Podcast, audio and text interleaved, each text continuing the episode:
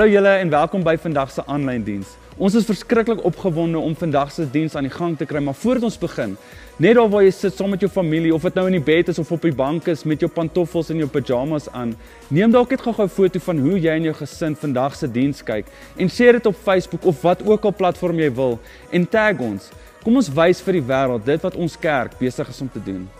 En dan ons gaan nou begin met ons worship. So net of jy is, gryp jou familie lekker styf saam en kom ons aanbid die Here saam. En moenie worry nie, ons kan jou gelukkig nie hoor nie as jy dalk miskien vals sing. Dit gaan oukei okay wees.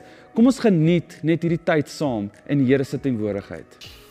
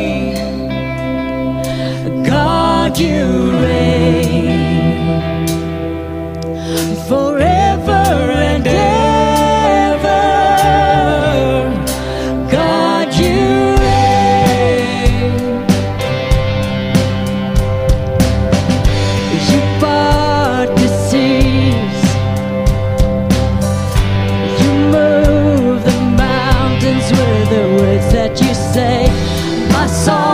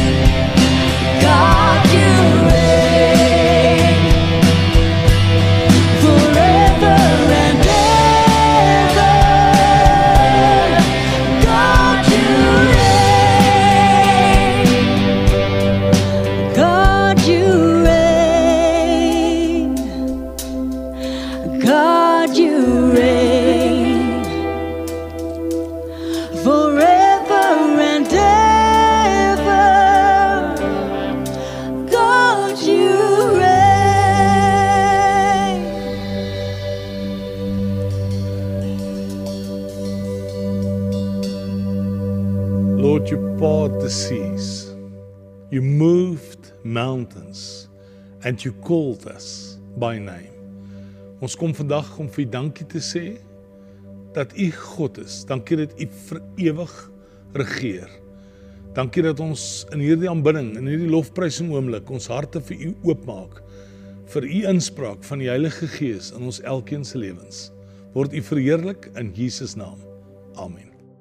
Baie dankie dat jy by ons inskakel vandag. Dit is altyd vir ons 'n voorreg dat jy deel is van hierdie oomblik op 'n Sondag om die woord van God deel te maak van jou huis, dalk van jou vriendskappe en van 'n groepering van mense saam met wie jy dalk kies om vanoggend se aanlyn boodskap ook saam te beleef. Ek praat vanoggend met jou uit Daniël 6 uit en ek glo regtig hierdie gaan vir jou 'n baie inspirerende oomblik wees, maar ook jou lewe vir jou oopmaak om anders te dink oor waarmee jy besig is. Uh die tema van vandag is alles of niks. Nou Daniel in Daniel 6 kan jy die storie gaan lees. Ehm um, lees ons van 'n jong man wat saam met drie van sy vriende, maar hierdie word eers vriende in die tyd toe hulle weggevoer word. Nou ons lees die storie en dan word ons eintlik maar met dit groot so uit ons uit ons kinderdae uit. En dan dink ons hierdie jong man wat weggevoer was en dan word ons weggevoer in 'n storie van van 'n um, 'n jong seun wat in 'n paleis groot geword het. Maar as jy nou so 'n bietjie eksegese gaan doen, navorsing oor hierdie stuk, dan kom jy eintlik agter wat het regtig gebeur in Daniël se lewe. Hy was so 17, 18 jaar oud toe hy onder die bewind van die koning Nebukadneser uit Jerusalem uit weggevat was as slaaf. En omdat hy 'n uh, 'n sterk, mooi geboude jongman was en innoverend, slim, was hy deel van 'n sekere groepering, hierdie drie manne onder andere Sadrag, Mesig en Abednego, om saam met hulle te geleer het van 'n nuwe godsdiens, 'n nuwe kultuur, 'n nuwe taal wat hy in 2 jaar moes aanleer. En in hierdie tyd het hy die oog van koning Nebukadneser gehaal. Daar was ook die opvolgkoning koning Belsasar en in hierdie 17 18 jarige jongman se lewe gebeur daar skrikwekkende goed. Ehm um, wat ek en jy vandag gaan besef, dit was vir Daniël alles of niks. As jy nou gaan dink oor dit, was hy weggevat van sy ma, sy pa, van sy broers, sy susters, van sy vriende, van sy neefies, sy niggies, sy hele wêreld verander as 'n jong seun.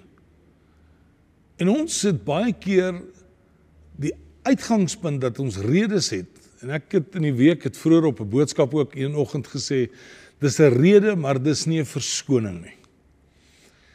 En as jy nou aan Daniël se lewe dink, kon hy aan soveel redes gedink het oor hoekom moes hy weggevat geword het van sy pa en ma af. Hy was 'n Israeliet, hy was uitverkoop aan die Here. Hy het groot geword onder God se bewind. Aan die, aan die aan die aan die naam van God was hy gekoppel gewees. Ek en jy kan baie keer in ons lewe soveel goed gaan uitdink oor ons agtergrond of ons verlede. Ehm um, iemand sê eendag vir my, "Man, ek praat nie oor gister nie." Wat 'n seer ehm um, dit het goed tot gevolg gehad wat jou wat jou bitter maak. Ehm um, wat maak dit nie nie daaroor wil praat nie. Die manier hoe jou pa jou groot gemaak het, ehm um, met aggressie, woede, dalk met afwesigheid of ehm um, uh, dalk die omstandigheid waarin jy groot geword het. En hier kry ons vir Daniël en ons leer iets van 'n man wat gesê het ek leef alles of dit gaan niks wees. Maar Daniël het alles gekies. Nou nou hy hy hy word groot in hierdie 2, 3 jaar wat hy opleiding kry. En hy kry die die die aansien van konings. En dan word hy een van drie ministers en hulle is aangestel oor 120 goewerneur-generaals. Maar in hierdie aanstelling wat hy kry, ehm um, word hierdie ander ministers en goewerneur-generaals baie jaloers op Daniël. Nou jaloesie kan tot gevolg hê dat jy op 'n manier reageer dat jy dalk baie keer die pap so bietjie dik kan maak. As jy agterkom mense is jaloers op jou, dan ehm um, dan dan jy weet dan wil jy nou maar vir hulle wys. Nee maar weet jy wat uh, uh ek kan nou maar vir jou rede gee hoekom jy dan nou jaloers is op my en kom ek wys jou dan nou. Maar dit is wat ons optel in Daniël nie. Daniël het 'n ander manier gehad. In sy alles of niks het hy gesê ek leef met 'n lewe van geen kompromie. En in geen kompromie. Dink ek sommer aan aan aan Romeine 1 vers 16 wat sê ek skaam my nie oor die evangelie van Christus nie. Want dit is 'n krag van God tot redding vir elkeen wat glo. Nou as jy dink aan Daniël se lewe en hy gaan in geen kompromie aan nie ehm um, was dit hierdie ministers en goewerneur-generaals wat uh met 'n plan gekom het om Daniël in 'n hoek en vas te trek. En hulle plan het soort van gewerk. Uh dit is dat koning Darius onder wie se bewind Daniël 6 plaasvind, um, 'n sekere uh, bevel uitge, uitgebring het dat niemand enige ander god vir 30 dae kon aanbid.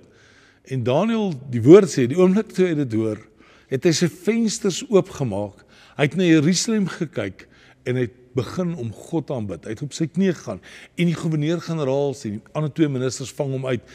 En dit was eintlik Darius se plan, koning Darius se plan, 'n ongelowige koning se plan om hierdie Daniël aan te gestel het oor hulle almal. En hierdie manne was jaloers. 'n Tweede ding wat ek optel is, hy was onverskrokke geweest in dit wat hy gedoen het vir God. Nou die woord onverskrokke in Afrikaans is so bietjie ver weg van ons Afrikaanse kultuur of maar in Engels sê dit fearless. Nou as jy fearless hoor, dan gaan daar sommer so 'n klomp antennes in jou kop en aan. Dan dink ek aan die skrif wat sê in, in 2 Timoteus 1 vers 7 die volgende. Hy sê die gees wat God ons gegee het, die gees wat God vir Daniël gegee het, maak ons immers nie lafhartig nie. We are fearless. Ons is onverskrokke. Maar hierdie gees wat God ons gee, vul ons met krag en liefde en selfbeheersing. Ek dink dit is dalk deel van hierdie hele karakter van Daniël gewees om met krag, liefde en selfbeheersing in hierdie oomblik, hierdie moment wat gebeur, homself te bewys aan mense rondom hom uh, dat God deel is van sy lewe. Ons is nou in 'n plek waarin owerhede vir ons sê jy mag nie kerk hou nie. En ons het een van twee maniere om te reageer. Ek sit terug en ek aanvaar dit net of ek staan op en ek sê weet jy ek sal my God bly dien want dit is alles of niks en in 'n lewe wat jy oorgegee het vir God kom jy na 'n plek wat jy sê ek gee alles vir God. Nou word Daniël voor die koning gebring en hy skuldig. Hy hy erken dit onmiddellik. Daar's nie 'n twis oor dit, daar's nie 'n redenasie oor dit nie. En en en Darius die koning was so gegryp gewees oor hierdie situasie. Die woord sê hy het in 'n vas ingegaan daardie nag toe hulle Daniël in die leeukuil kuil moes gooi. Die woord sê as jy dit in verskillende vertalings gaan lees, het hy geen dames by hom toegelaat die nag nie. Hy het Hy het geen ehm um, uh, musiek of kos geëet daardie nag nie. En dan sê die woord, hy was slapeloos. Hy kon nie slaap nie, want hy was regtig bekommerd oor wat met Daniël sou gebeur. Nou ek en jy weet, as jy in 'n leeukuil gegooi word, is daar vir jou maar geen kans om uit daai leeukuil uit te kom nie. Die uiteinde van jou lewe was jy is opgeëet deur leeu's. En koning Darius was baie baie bekommerd geweest oor Daniël. Die woord sê die volgende oggend vroeg ehm um, het hy met 'n baie benoude stem, baie bewerige stem, het hy na Daniël geroep toe hy so op pad was na die splonk uh, waarin Daniël gegooi was. En dan sê die woord in Daniël 6:21 die volgende: Toe hy naby die leeukuil kom, het hy angstig na Daniël geroep en vir hom gevra: "Daniël, dienaar van die lewendige God, onthou dis 'n ongelowige koning, was jou God wat jy met soveel volharding dien in staat om jou van die leeu's te red. Toe antwoord Daniël: Mag die koning baie lank lewe. Ek wil net hoor die koning sê: Die God wat jy dien met soveel volharding. Laat ek net daar stil staan vir so 'n oomblik. As jy vanoggend vir jouself sê dis alles of niks, dan sê volharding ek gee my alles vir die Here. En toe Daniel koning Darius antwoord, toe antwoord hy met die met die woorde: Mag die koning baie lank lewe. Nou ek het groot geword in die kerk en in jare in teologie het ek dit nie besef nie tot 'n paar jaar terug. Daniel was nie 'n jong man gewees toe hierdie hele insident afgespeel het nie. Hulle reken hy was so rondom 70 jaar oud gewees toe hy in die leeukuil afgegooi word. Nou ek weet nie van jou nie, maar as jy 70 jaar vir God gedien het, God gesoek het, God gedien het met jou hele hart, met jou hele siel, met jou hele gees, al jou verstand, alles ingesit het om te sê God is my alles en jy word in 'n leeukuil gegooi, dan dink ek sal baie mense onmiddellik vra vra aan God, onmiddellik in 'n plek van rebellie hulle self bevind. In 'n plek waar hulle verlore voel en dat God hulle in die steek gelaat het. Maar dit was in hierdie moeilike plek waarin Daniel homself bevind en daai sê ding wat ons het when the going gets tough the tough gets going waarin Daniel besef het al gaan ek deur die dal van doodskade weer. Psalm 23 daai dal van doodskade weer sê al 'n vertaling al gaan ek deur donker dieptes ek is onder geen illusie dat daar baie kere in jou lewe aanbreek wat jy besef maar waar is God in hierdie hele saak? Ek dink 'n senior man 'n bejaarde man wat 70 jaar oud is seker ook 'n wonderwerk dat hy nie 'n been gebreek het toe hom afgooi in die in die leeukuil nie. Maar hierdie man wat op hierdie ouderdom 'n besluit maak en sê dan kom ek om in 'n leeukuil maar ek sal God bly aanbid want hy's my alles En dit moet jou vandag skuif na 'n plek toe wat jy vir jouself vanoggend sê, God het my lewe so gegryp, het my so my lewe so omwentel dat ek nie anders te kan as om te sê ek gaan in volharding God bly dien nie. En 'n ongelowige koning Darius gee opdrag. En hierdie opdrag wat 'n koning gee, glo ek is 'n profetiese woord ook vir ons tyd waarin ons onsself bevind vandag. Ek tel dit met jou op in die amplified vertaling. Drie verse en ek wil hê jy moet dit weer gaan kyk, jy moet dit as gesin, as familie, as 'n vriendekring moet julle dit dalk so 'n bietjie teen die yskas vasplak en moet julle hierdie woord probeer onthou van wat God deur 'n ongelowige koning bekend maak. Vers 26 sê in die amplified, I issue the decree that in all the dominion of my kingdom men are to reverently fear and tremble before the God of Daniel. Nou, nou ek glo die kerk het iets verloor. Mense het iets verloor. Gelowiges het iets verloor daarvan om 'n vrees en 'n ontzag vir God te hê. Dan sê koning Darius, "For he is the living God, enduring and steadfast forever, and his kingdom is one which will not be destroyed, and his dominion will be forever. Ek dink jy gaan saam met my sê haleluja vir dit wat God in my en in jou lewe kom oopmaak. COVID-19 kan nie dit wat God begin het tot 'n einde bring nie. Al gebeur daar wat rondom jou en ek sê dit met die grootste respek. Dan wil ek vanoggend jou na 'n plek toe skuif dat jy sê omdat ek in 'n lewe lewe van alles vir God sal dit wat rondom jou gebeur nie 'n einde bring nie, maar dis 'n begin om te sien van dit wat God gaan doen in ons elkeen se lewens. Vers 27 He rescues and saves and performs signs and wonders in heaven and on earth. In die Afrikaans, hy red en bevry. Ek glo as God instap in jou lewe met 'n alles of niks, dan red God en hy bevry. Hy maak vry, hy maak los van dit wat jou vashou, dit wat jou bind, dit wat jy voel jy's in kettinge in vasgebind of dit depressie is en of dit 'n verslawende gewoonte is en of dit iets is wat jy regtig voel, Here, hierdie ding het my kom vashou. Wil ek vandag vir jou sê, in 'n lewe van alles kom verander God alles en sien jy hoe hy red en hoe hy bevry. Ons het so 5 jaar terug gesê ons wil Here vertrou vir 200 000 mense. Dit staan nog steeds vas in ons harte. En in hierdie tyd is dit vir my en vir jou om as kerk op te staan en te sê kyk die wonders en die tekens wat God doen in sy kerk. Ek het al baie stories om te vertel van dit wat God die afgelope 3 maande gedoen het. In my hart skiet op oor uh, die grootheid van wie God is. God you reigns. You've parted the seas, you've moved the mountains.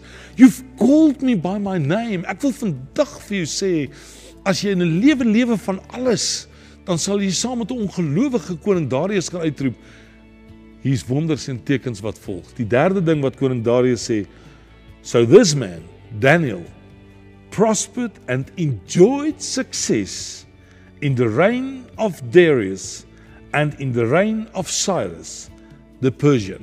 Nou hy was 70 jaar oud en die eksegese sê hy het op die ouderdom van rondom 85 gesterf. En dan vra jy onmiddellik vir jouself, nou hoe is jy hoe het jy nou prosperous geleef en how did you enjoy success?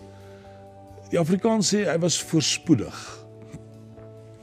Dit was onder die volgende koning, koning Cyrus se bevel gewees dat die Israeliete wat in gevangenskap was, weer vrygelaat was om terug te gaan Jerusalem.